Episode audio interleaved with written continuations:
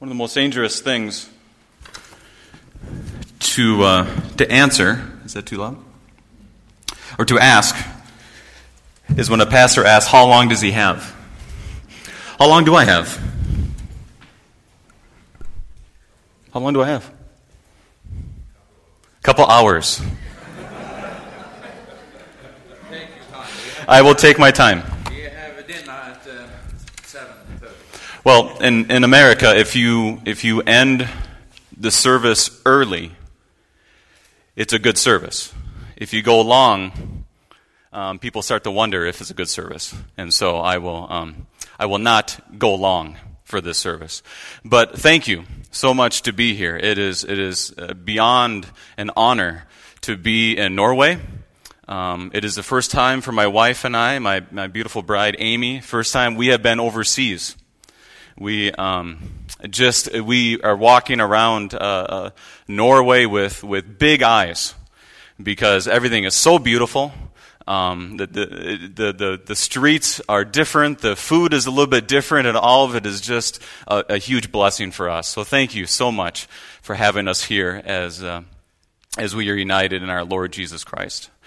In the same way, I want to say say thank you um, because this has allowed me uh, to reconnect with my Norwegian heritage.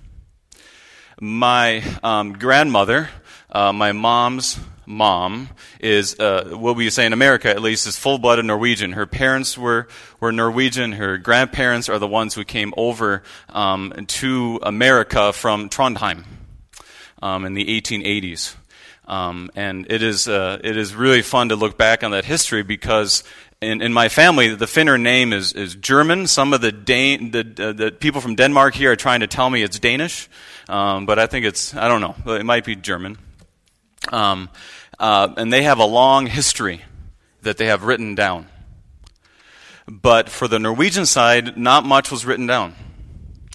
And so I've looked back for quite a bit, and one of the, the honors is uh, my, my great uncle Ivar, definitely a Norwegian um, name. Hosted was a pastor in the Norwegian Synod in, the, uh, in America. And my grandmother was a Hosted. Uh, the other side of the family were the uh, Moes. Um, at least in America we say that, M O E.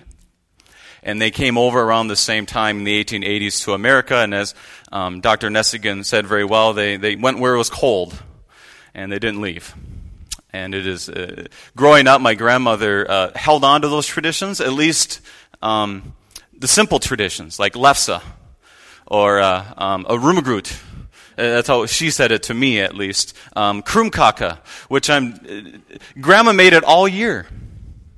And here only in Christmas? Oh, I was hoping for krumkaka when I came to Norway. We don't have any. That's all right. I'll survive. But I called my great uncle, um, Uncle Morris. And he was the youngest of 11 children. My grandmother is still with us. Um, she is suffering from uh, dementia, Alzheimer's.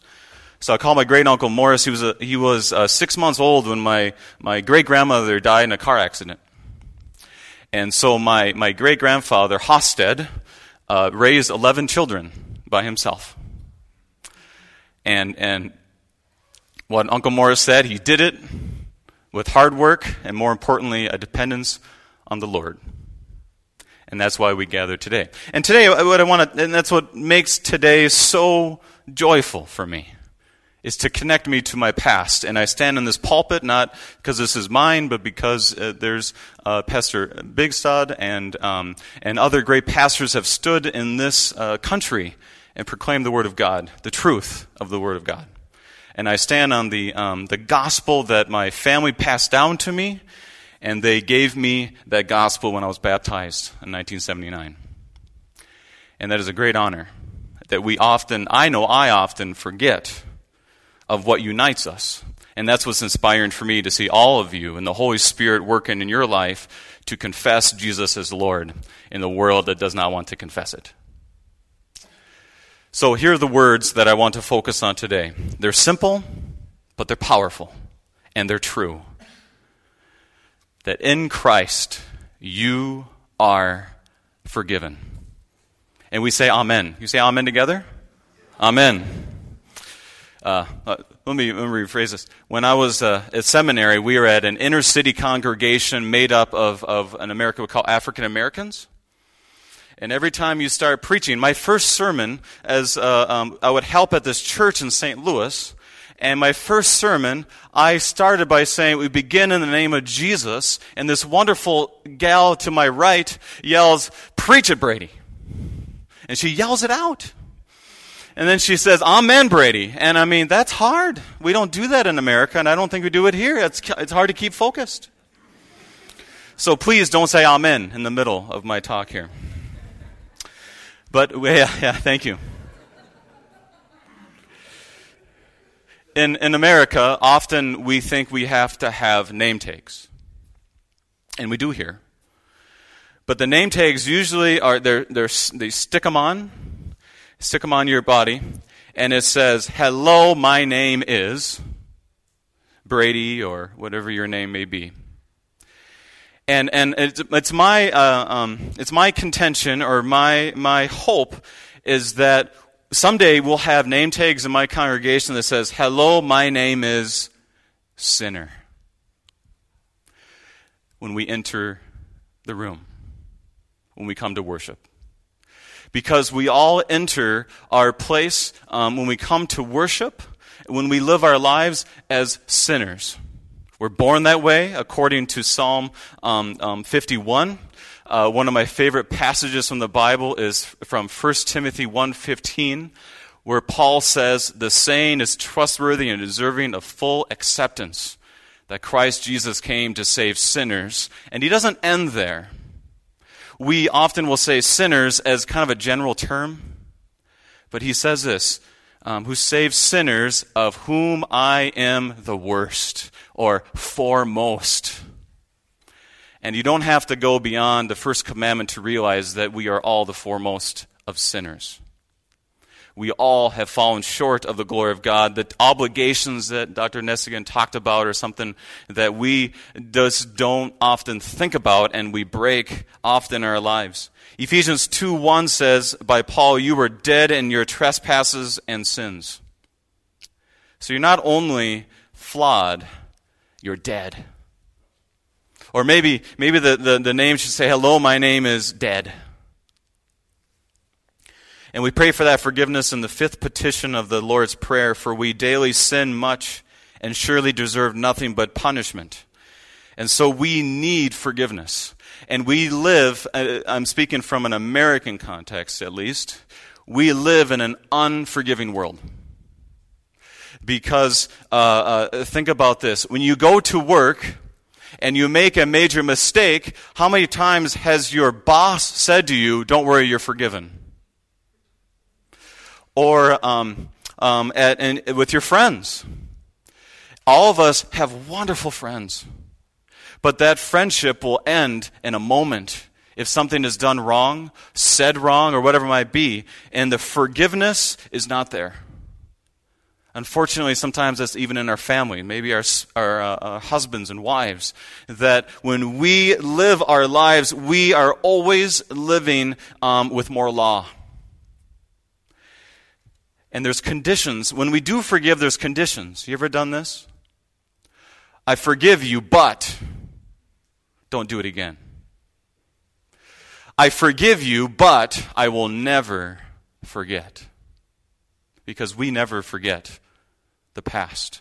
I was thinking about this recently. Is um, is that I, I uh, know of a friend of a of of my of high school when I was a teenager, and I made I, I made many mistakes when I was um, younger, and I, I, continue to. If you want a full list, go to my wife um, later today. But um, I made many mistakes, and in a particular friend, I said things I should not have said. And even though I asked for forgiveness and they forgave me, there's still tension in that relationship because they do not forget what I said.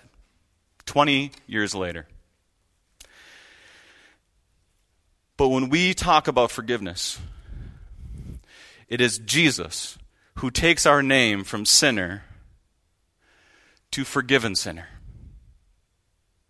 It is Jesus in our lives that we need forgiveness. And not only do we need forgiveness because we are dead, we need a resurrection. Um, I don't need instructions to live better. I need to be risen from the dead. I am Lazarus in the tomb, and everyone says, He stinketh. And I need Jesus to raise me. And thanks be to God, Jesus is in the forgiveness business. Because when Jesus is in our presence, he can't help but forgive sinners, the worst of sinners like me and like us. In Psalm 130, it says, If you, O Lord, should mark iniquities, O Lord, who could stand? But with you there is forgiveness. Psalm 32, I said, I will confess my transgressions to the Lord, and you forgave the iniquity of my sin. All of them. And so when Jesus forgives, we forgive, we don't forget. Jesus forgives, and it is complete. It is done. And it is free free for us, but it cost his blood that washes us, his blood that is always surrounding us, and it drips and it just forgives us over and over and over again. And he gives us a new name. From sinner to uh, uh to forgiven sinner, when, when we are baptized, Acts two thirty eight, repent and be uh, and be baptized for the forgiveness of sins, as the small catechism says. Well, what benefits does baptism give? It works forgiveness of sins, rescues from death and the devil, and gives eternal salvation to all who believe this as the words and promises of God declare. Now, I, I like, uh, I make my, um, my uh, confirmation students memorize this. A lot of the catechism they memorize, but I, mem- I memorize this. And, and what I tell them, because in our culture, often um, a good Lutheran will go to college and people will continually say, are, are, you, are you baptized? And if they say, Oh, yeah, I was baptized as a baby, oh, no, you know that doesn't count. You know that didn't actually happen. And so when my confirmation students memorize this, I tell them, So what will you tell your friends in college when they say your baptism didn't count? And they kind of stand there, Uh, uh. I say, Catechism. It works for, no, no, I'm baptized and it is good. It works forgiveness of sins, rescues from death and the devil, and gives eternal salvation. I'll believe this. As the words and promises of God declare, and I tell them, never let someone take away your assurance in Christ. Never let them do it because they want to and they will. Never let them take it away because you are in Christ. Matthew 26, when Jesus um, gives the body and blood to them, he says, he doesn't say, eat and drink only in remembrance of me. He says, for the forgiveness of sins. And same thing, what is the benefit of this eating and drinking? These words, given and shed for you for the forgiveness of sins, show us that in the sacrament, forgiveness of sins, life, and salvation are given through these words. For where there is forgiveness of sins, there is also life and salvation. I just, I love it when my confirmation students read that to me. Because it just reminds me, I got to remember that Sunday morning when I go in. We have to remember that when we take it tomorrow. That you just don't come here as, uh, you, you arrive here as sinners and you leave as forgiven sinners. Uh, we, we, uh, I'm thinking someday maybe um, uh, having the name tag when you walk in and then having new name tags up here and you slap it on you as you walk away. Mm, it's over. It's done. You're forgiven even if you don't feel it. Jesus. Is done because Jesus does it to you.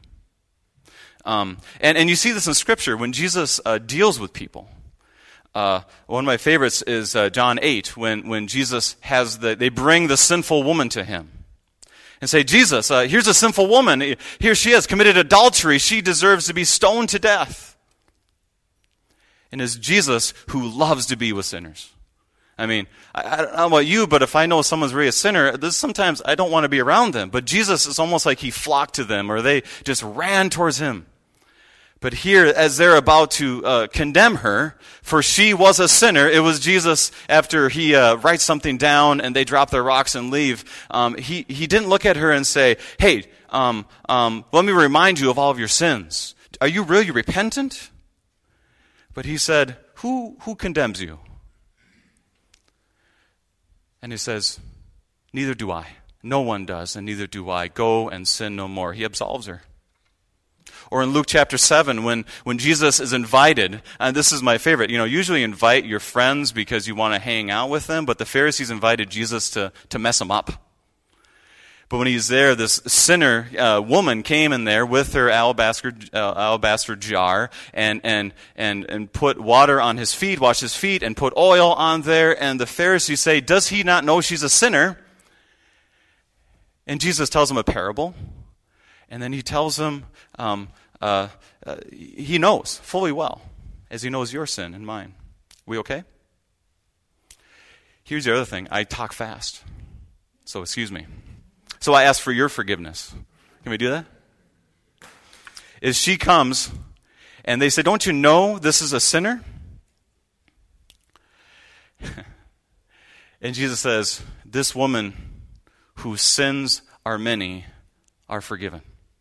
But he doesn't just tell that to somebody else. Who does he tell it to? Her. Your sins are forgiven. That's what Jesus does. Your sins are forgiven.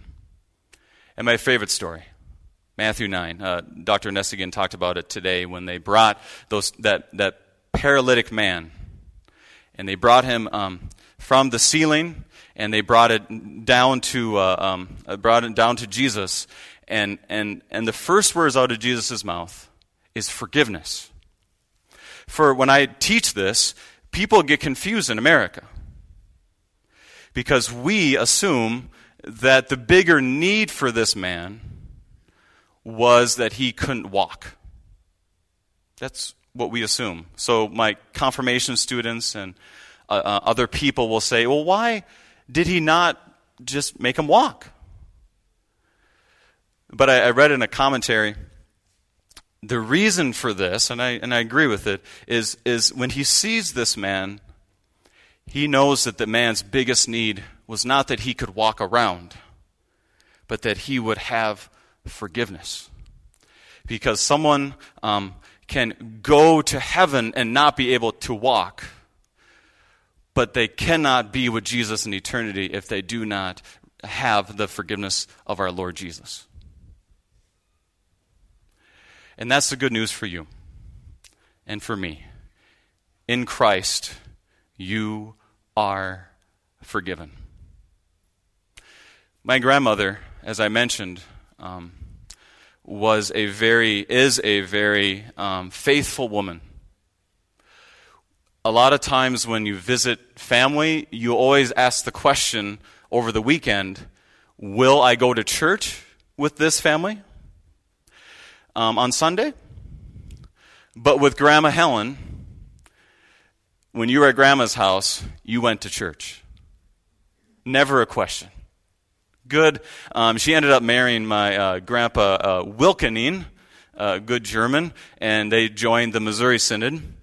Um, but she was a very uh, just faithful woman, week after week, never missing a worship service. And I remember going and see my father is a pastor as well, and and you have to be um, patient with pastors' kids because when you're listening to dad, you kind of zone out, right? You zone out. And for me, um, my dad for uh, uh, uh, my dad would forgive sins on Sunday morning, week after week, and I usually was somewhere else in my mind. When I would go to church with my grandmother, you would you would zone out because you're so used to it. But now looking back, how amazing it is that week after week, my grandmother would go to worship and she would be there week after week, and she was resurrected. And it's even more important for me to know that as she now is not able to remember much. That when her pastor visits her and forgives her sins and says, Helen, Melba, Wilkening, or Hosted, uh, your sins are forgiven and she might not fully know what's here. She receives the body and blood of Christ, and she might not always remember what is here or remember exactly what is happening.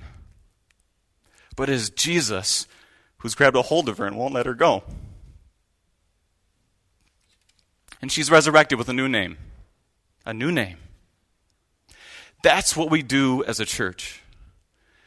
Is take people from one name to another. The church is there to forgive sins. And that's what the office of the keys is. As we learn in um, the Catechism, the section that um, not necessarily, we're not sure if Martin Luther wrote it, but he would agree with it. And so we include that.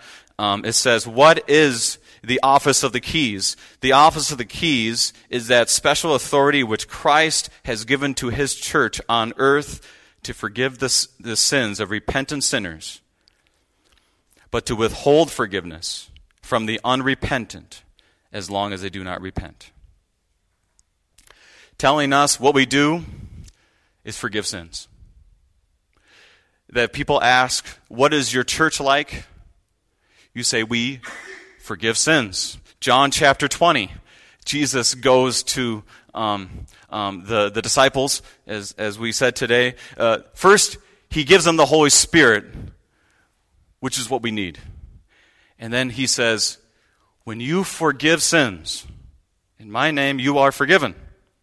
If you do not forgive, they are not forgiven. What he is telling us is not, let's try to figure out more if this person is truly repentant, if they've repented for all of their sins, because how many of us, when we come to worship, have repented for every single one of our sins?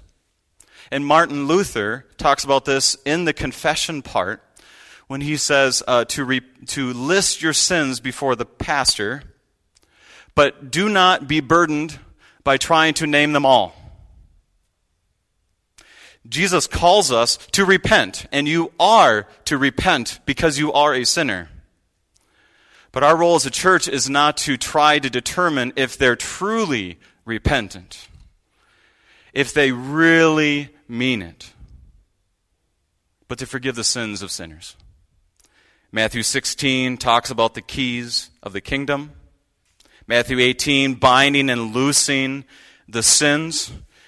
In Jesus' words, right after he is resurrected, is preach repentance and the forgiveness of sins. I'll never forget there was a church that I visited um, in uh, Kansas, in America. It's uh, uh, also very flat. And uh, drove up to this church, and it said, Faith Lutheran Church, a place of forgiveness. Now, the power of forgiveness is in America. Um, uh, uh, I, I, went to a very liberal college called Gustavus Adolphus College. It's a Swedish university um, Lutheran uh, ELCA affiliation, I guess you would say. And uh, when I was there, you would go to chapel, and they would talk a lot, talk a lot, but end up not saying much, you know. And uh, their common statement was, "God is love." And what they were saying is not God is is love. What they were really saying was. Uh, God will let you do whatever you want to do. Doesn't matter. But when you say our church is a forgiveness place, you're not denying sin. You're not overlooking sin. You're burying it. You're, you're, you're resurrecting the person. Because this is the gospel. Much like this um, in America, if you are driving um, too fast on the road, uh, eventually you will be pulled over by a policeman. And uh, if you're pulled over by a policeman, most of them are not forgiving. you will probably get a ticket. Um, and often in America, the gospel is portrayed like this um, that the policeman pulls you over and asks you how fast you were going. You say, I was going fast, um, but I, uh, um, I'm sorry. and the policeman says, Don't worry about it, don't do it again. Often, America says that's the gospel. That's not the gospel. The gospel is like this You are speeding. You are pulled over by a policeman. The policeman comes and asks you how fast you're you going. You um, maybe know, maybe you don't know. And the policeman says, You are guilty. But I will pay your speeding ticket. He doesn't overlook it. You are guilty, but he pays the price. That is forgiveness. That is the gospel of Jesus because when Jesus was on the cross, and we look at his dead body, we do not, um, and we ask how many of those sins um, uh, on his shoulders, how many sins did he put on himself that day? And we don't make a list. We say, all of them. He took them. And he did it with you and me in mind. Brady, the worst of sinners, will be born someday, and I need to die for him. I need to die for him, and he did. That is the hope we have in Christ, and we preach it. In college, the adage was um, Do you think you're forgiven? Do we know if you are forgiven? It was always in a question, right? But I remember going to seminary in St. Louis, and um, I'll never forget um, when I when it finally wasn't my father forgiving me. I started to listen. See, and now I'll never forget the pastor. He said, "You are forgiven for Christ's sake." Or, or as we say, in the stead and by the command of my Lord Jesus Christ, I forgive you of all of your sins. In the name of the Father, Son, and Holy Spirit. And that not only is good to hear, but it is true. It is true. A new name, a resurrection, a new person. So, what do we do as a church? Um, in America, we, we often are trying to be too practical. You know, um, we will tell you something, and then we're like, okay, now give me the 10 points. You know, give me the, the top 10 list. Do you have this in Scandinavia? Uh, yeah? Yeah? Um, so, what do we do? It's simple. As Jesus, or as uh, John says in one, uh, John 1 16, we all receive grace upon grace. We give grace. First, you receive it. If you're not baptized, get baptized. A new name. Um, when you come to worship and you know you are a sinner, receive the body and blood. You will walk up a sinner, you will leave a forgiven sinner. It's, it's just absolutely amazing to think about what happens when you come to worship. Receive forgiveness from your pastor. And, and this goes to a little bit in, in Augsburg uh, 5 when it talks about the ministry. Is our calling as pastors is to forgive sins. Um, when I was at seminary, uh, uh, Dr. Joel Biermann, uh, wonderful professor, said, Gentlemen, your job is to be absolution man. Okay? Uh, I don't know it's here. In America, we love superheroes. Um, um, you know, people, you, you tell them they're forgiven to come to church and they don't come. But you say Superman is on in the theater and they run and they go there. We love superheroes. So he said, Gentlemen, your job is to be forgiveness man, absolution man. That your church will be known. I don't know if I like that pastor. I don't know if I like what he has to say. But he forgives sins. And it's over and over and over again. As it says in the small catechism, what is confession? that we receive absolution, that is forgiveness. from the pastor as from God himself. See, this is key. Not doubting, but firmly believing that by it our sins are forgiven before God in heaven. And that is why when you come to this place, um, you go to your church and you worship, and your pastor forgives you, which is his calling, and make sure he does it. If he doesn't, tell him after. If he doesn't do it again, tell him again. Keep telling him, please forgive the sinner that I am. So I enter as a sinner, but I leave as a forgiven sinner. Make him do it.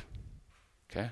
I tell my congregation to make sure that I do that. First, receive that forgiveness because in order for us to forgive others, we need to be forgiven ourselves over and over and over again.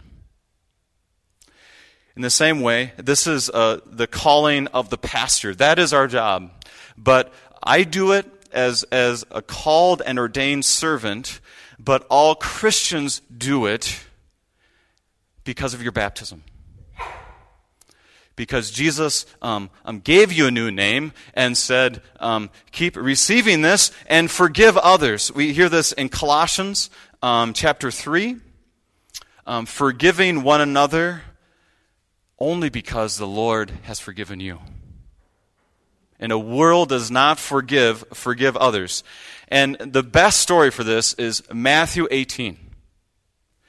Is uh, Jesus talks about reconciliation. You know, um, if there is uh, someone who sinned, um, confront him. Uh, and if there's, uh, if he does not repent, bring two people.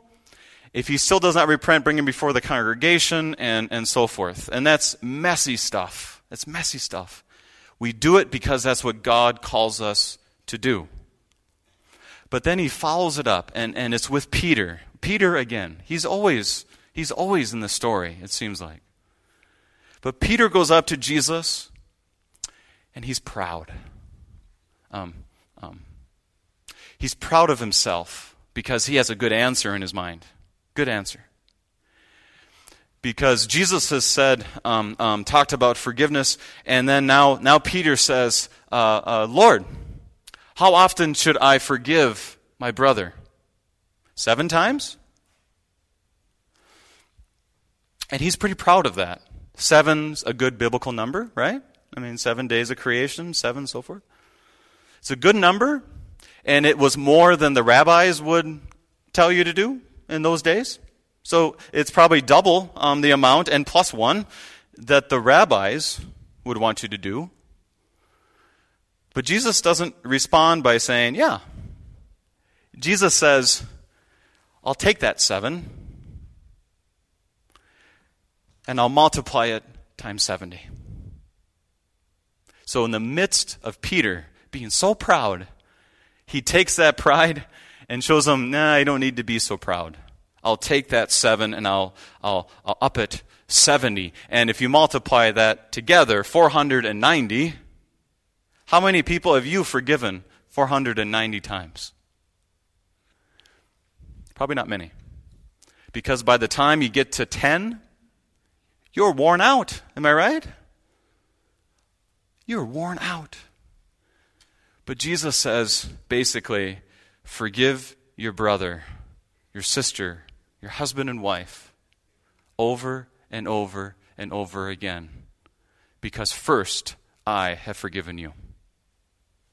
We see that important importance in the life of the church.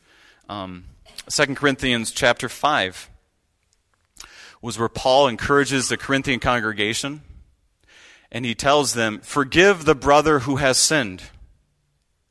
And first of all, for him to be forgiven for his sake, as far as um, uh, eternity, but also for the sake of the life of the congregation. So that we do not enter here by saying, that person over there has done too much sinning, unlike me, who hasn't done as much but to forgive so that we walk together into the church and into the world as uh, forgiven sinners holding each other up. And I've heard this from you is there are often times you feel alone. And part of what God brings us together is through the forgiving blood of Jesus. And, and let's, let's be honest, that's what unites me from the middle of Minnesota um, to you here in the great land of, of Scandinavia. That's what unites us. That we're sinners, but Jesus has shed his blood for me. My favorite hymn is uh, Chief of Sinners Though I Be. Jesus shed his uh, blood for me, died that I might live on high, lives that I might never die. As a branch is to the vine, I am his and he is mine. That is what unites us. And this forgiveness language is available everywhere in your life.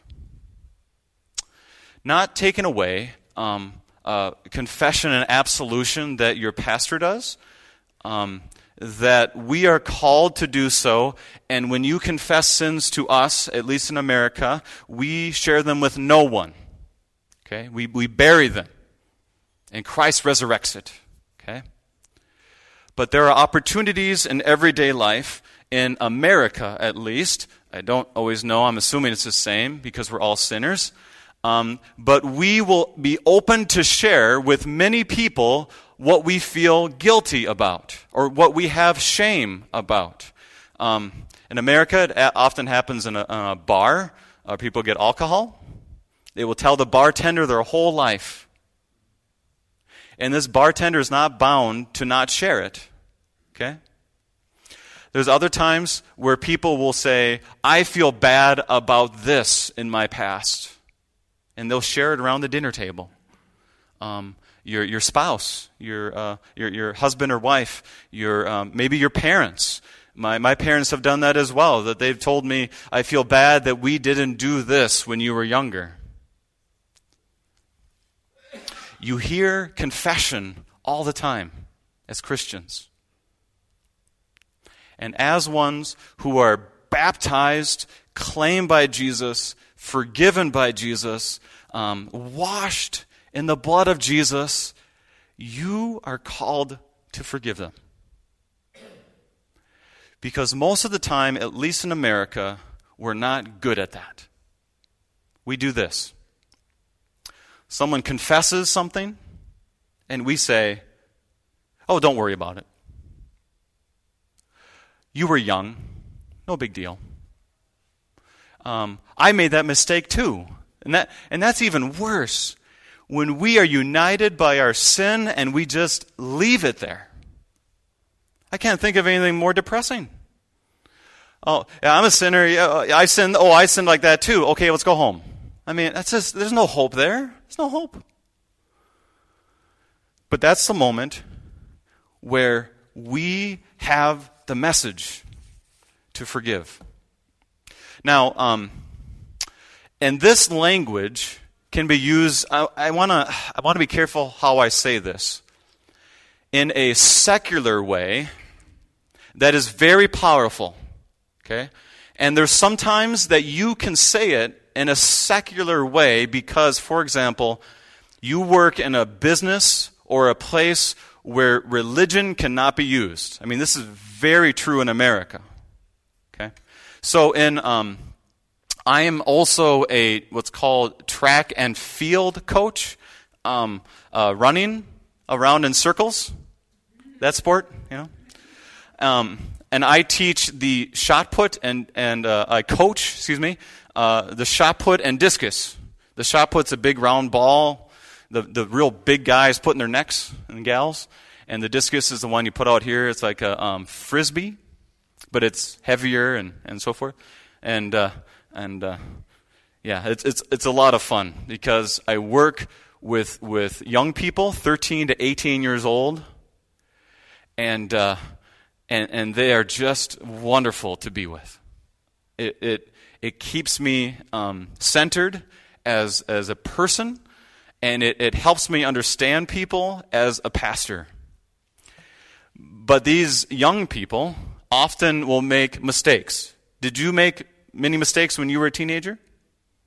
Yeah. And many times in Minnesota, at least, we, we love to feel guilty.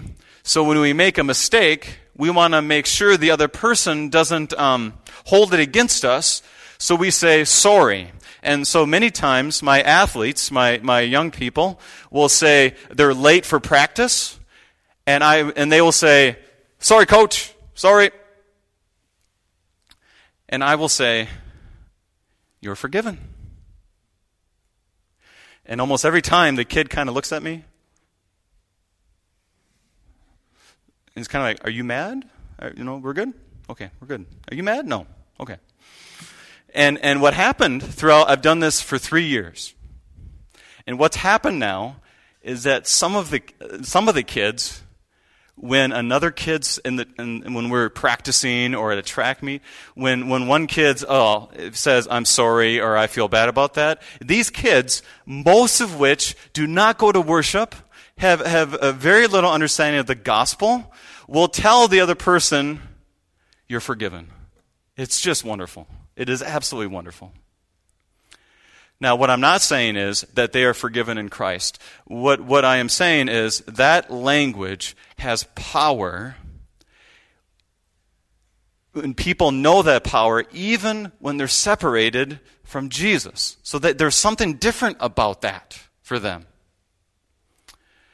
But as Christians, um, when you are in friends or family or in a situation where um, you won't get in trouble for bringing God into it, you are obligated not to say, You're forgiven, because then it's our forgiveness. And our forgiveness is never complete. What you do is you say, In Christ, you are forgiven. And boom, it's gone. That's the power of the office of the keys, given to pastors as the called and ordained servants to do in the stead and by the command of Christ, and for lay people to do in their daily vocations to the people God has placed in front of them to forgive the sins and to point them to the place where they will be forgiven over and over and over again in worship surrounded by the love of Christ, surrounded by Christian people, um, um, surrounded by their baptism, surrounded by the um, body and blood, surrounded by Jesus, because when Jesus is in the room, he cannot help but forgive you. And, and this can be difficult. I was sitting in a meeting once with uh, what we call our overseers, we call district presidents. And we had some um, reconciliation to do. Um, um, we, we, we had problems within the, the uh, pastors and a congregation and so forth. And I'll never forget, my, my beloved district president um, admitted to one of the lay people in one of the congregations, I'm sorry that I made such and such a mistake, that I um, neglected my office and I have sinned against you. He, I mean, he, he said that to the layperson of this congregation. Okay? And, uh, and then the other person says, I'm sorry too. I gossiped about you after we had met. And I remember the silence at that point. It was like, um, in America, we say there were crickets in the background. Um, there, was, was quiet. Uh, no one was saying anything. And a friend of mine next to me says, uh, uh, President, President, uh, uh, District President, are you going to forgive him? And the district president says, well, in Christ, you know, in Christ we're all forgiven, which was good. He could have done it better, though. And then someone else said, you can do better than that. And he said, in Christ, at a called and ordained servant of Christ, um, I forgive you all your sins. Because if forgiveness is just, well, Jesus forgives, and it's not for you, it, it's, that's not Lutheran. Lutheran is for you, it's to you, And it's true. It's true. Because if we're going to try to forgive each other on our own strength, it's not going to work. And it's always going to be remembered. But we forgive in Christ. And that's difficult because if you forgive the sins of somebody else, that means you are saying, I won't bring it up again. And, and have you ever had that where um, um, uh, you want to remember that sin because you want to hold it against somebody someday? Or the bitterness that overtakes us at times? And if you forgive it, and you can't bring it up again. But imagine God. I mean, imagine how much could God bring up for us? Psalm 139, it talks about how you know my inward parts. And what's comforting about that is we are all gifts of the Lord. God has made us, and we are in his image, and it is beautiful. But what's scary about that is he knows every thought, he knows every action, he knows the stuff that uh, no one else knows but me, myself, and the wall, maybe. And that's scary. But we do not have a God who remembers our sins because he sent Jesus to wash us in his blood. And this is true um, that sometimes as Christians, we will forgive people in Christ even if we don't feel like it. And that's because um, his forgiveness is to be preached, to be proclaimed and to be given as he's called us to do. And what we need to do is, is forgive sins and, and pray to the Lord, Lord, bring my, because like, you're here forgiving sins, but you're really over here because you're still mad about something.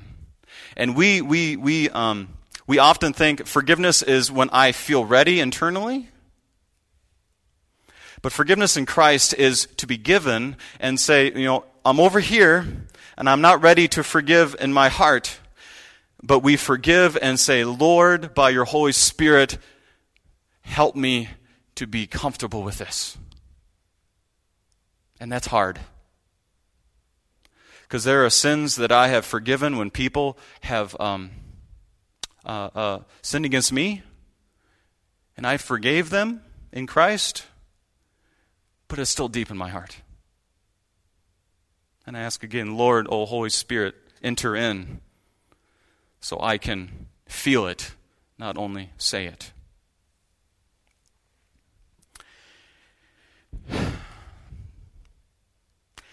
And to do this can be done in simple ways. I'm a father of, of four children. Um, in America, that is, uh, um, people look at you weirdly. Um, don't you understand how babies come? Um, and what happened? Uh, four children, four beautiful children. Um, my oldest is named Kajsa, uh, K A J S A, which is a Scandinavian um, name. I, have heard it's more Swedish, so forgive me, um, I'm Norwegian family. Um, my second is Averil, um, A V E R I L. Uh, my oldest is nine. My young, uh, second is eight. And my uh, son is Elias, which is uh, like uh, Elijah. Uh, the Lord is God. And then my youngest is Xavier, which is the um, feminine form of the Saint Xavier, or Xavier. And she's five. My son is six.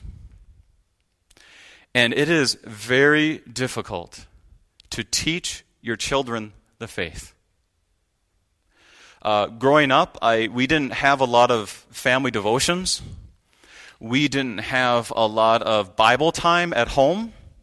Um, church every week, um, confirmation, um, but not a lot of stuff at home. And as uh, uh, Pastor uh, Bigstad uh, talked about, the catechism is to be taught in the home.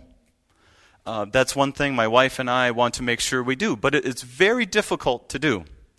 Um, in America, at least, our children, by the time you get done eating at nighttime, they are anxious and crazy and hard to control.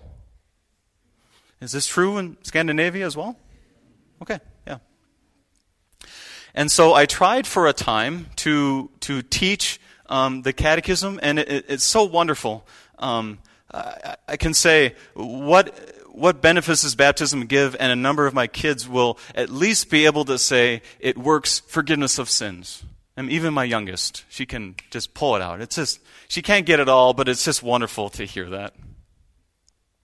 But it's very difficult to teach. And so what we do is we often will pray Luther's evening prayer. And um, in there, uh, Luther says, um, uh, Forgive me my sins where I have done wrong. In the morning, he says, uh, Keep me from sin. At night, um, he knew that we would sin, that we would enter as sinners. That's our name. But at nighttime, we ask for forgiveness. And what we've come down to is um, we pray that at the dinner table, and before my children go to bed, I'm, I'm, I'm kind of past the point where I try to have great prayers right before they go to bed, um, to have great moments of, of uh, Bible time or memorization. It doesn't work.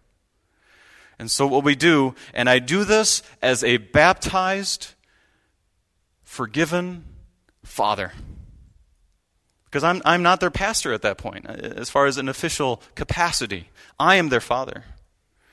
And so before they go to bed, I will say their name Kajsa Sophie Finnern. In Christ you are forgiven. And then they go to bed. So my children will go to bed every night knowing their name is not sinner, but forgiven sinner in Christ. Averil, Averil Alice Finnern, in Christ you are forgiven. She goes to bed. My son, Elias Walter Finnern, eh, you are forgiven. In Christ you are forgiven.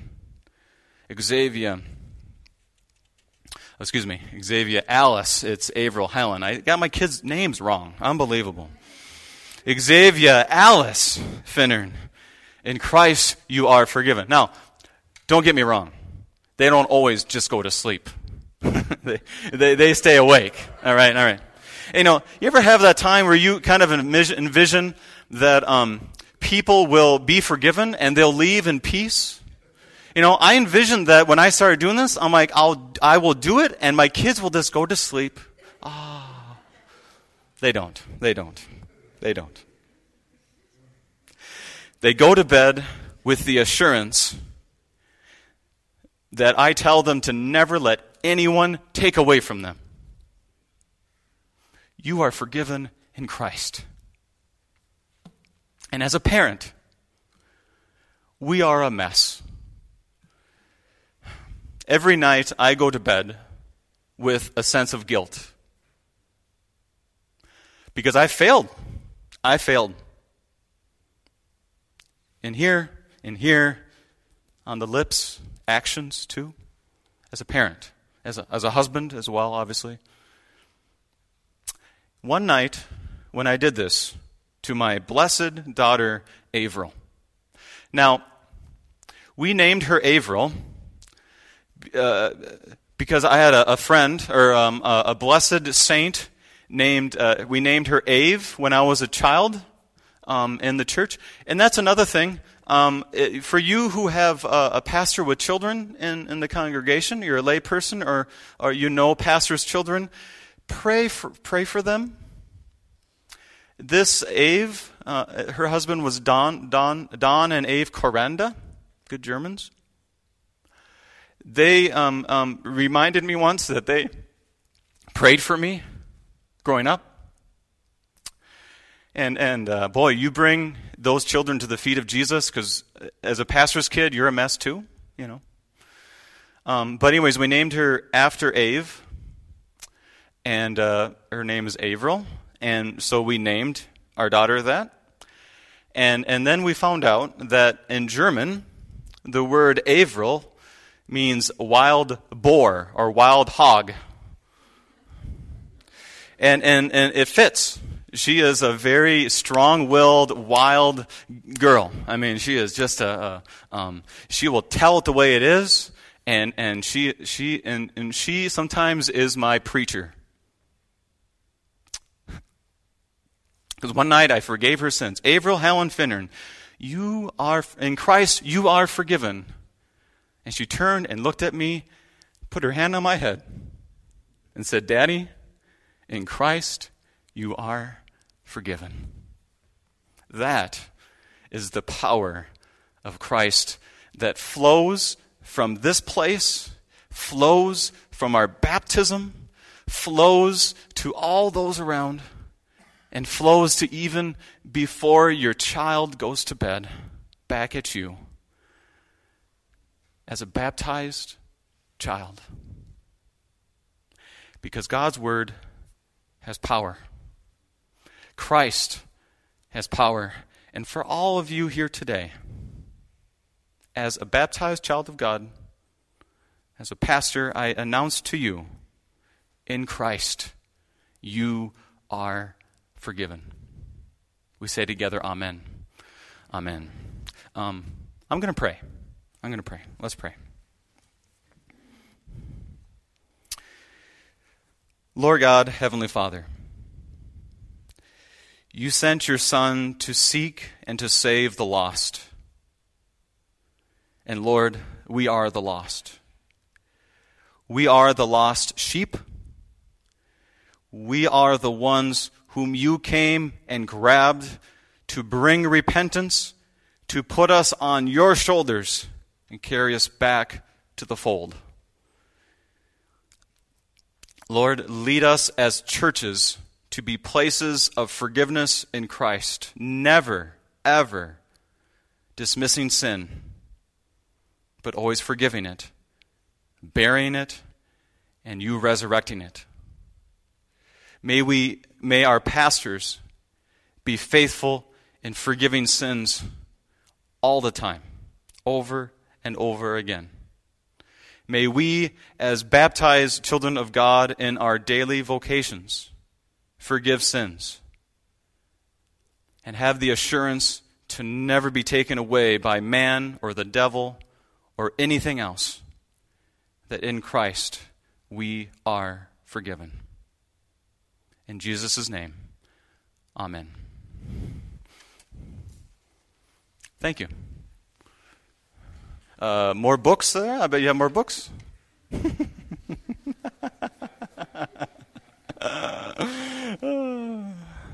uh, I done? Okay.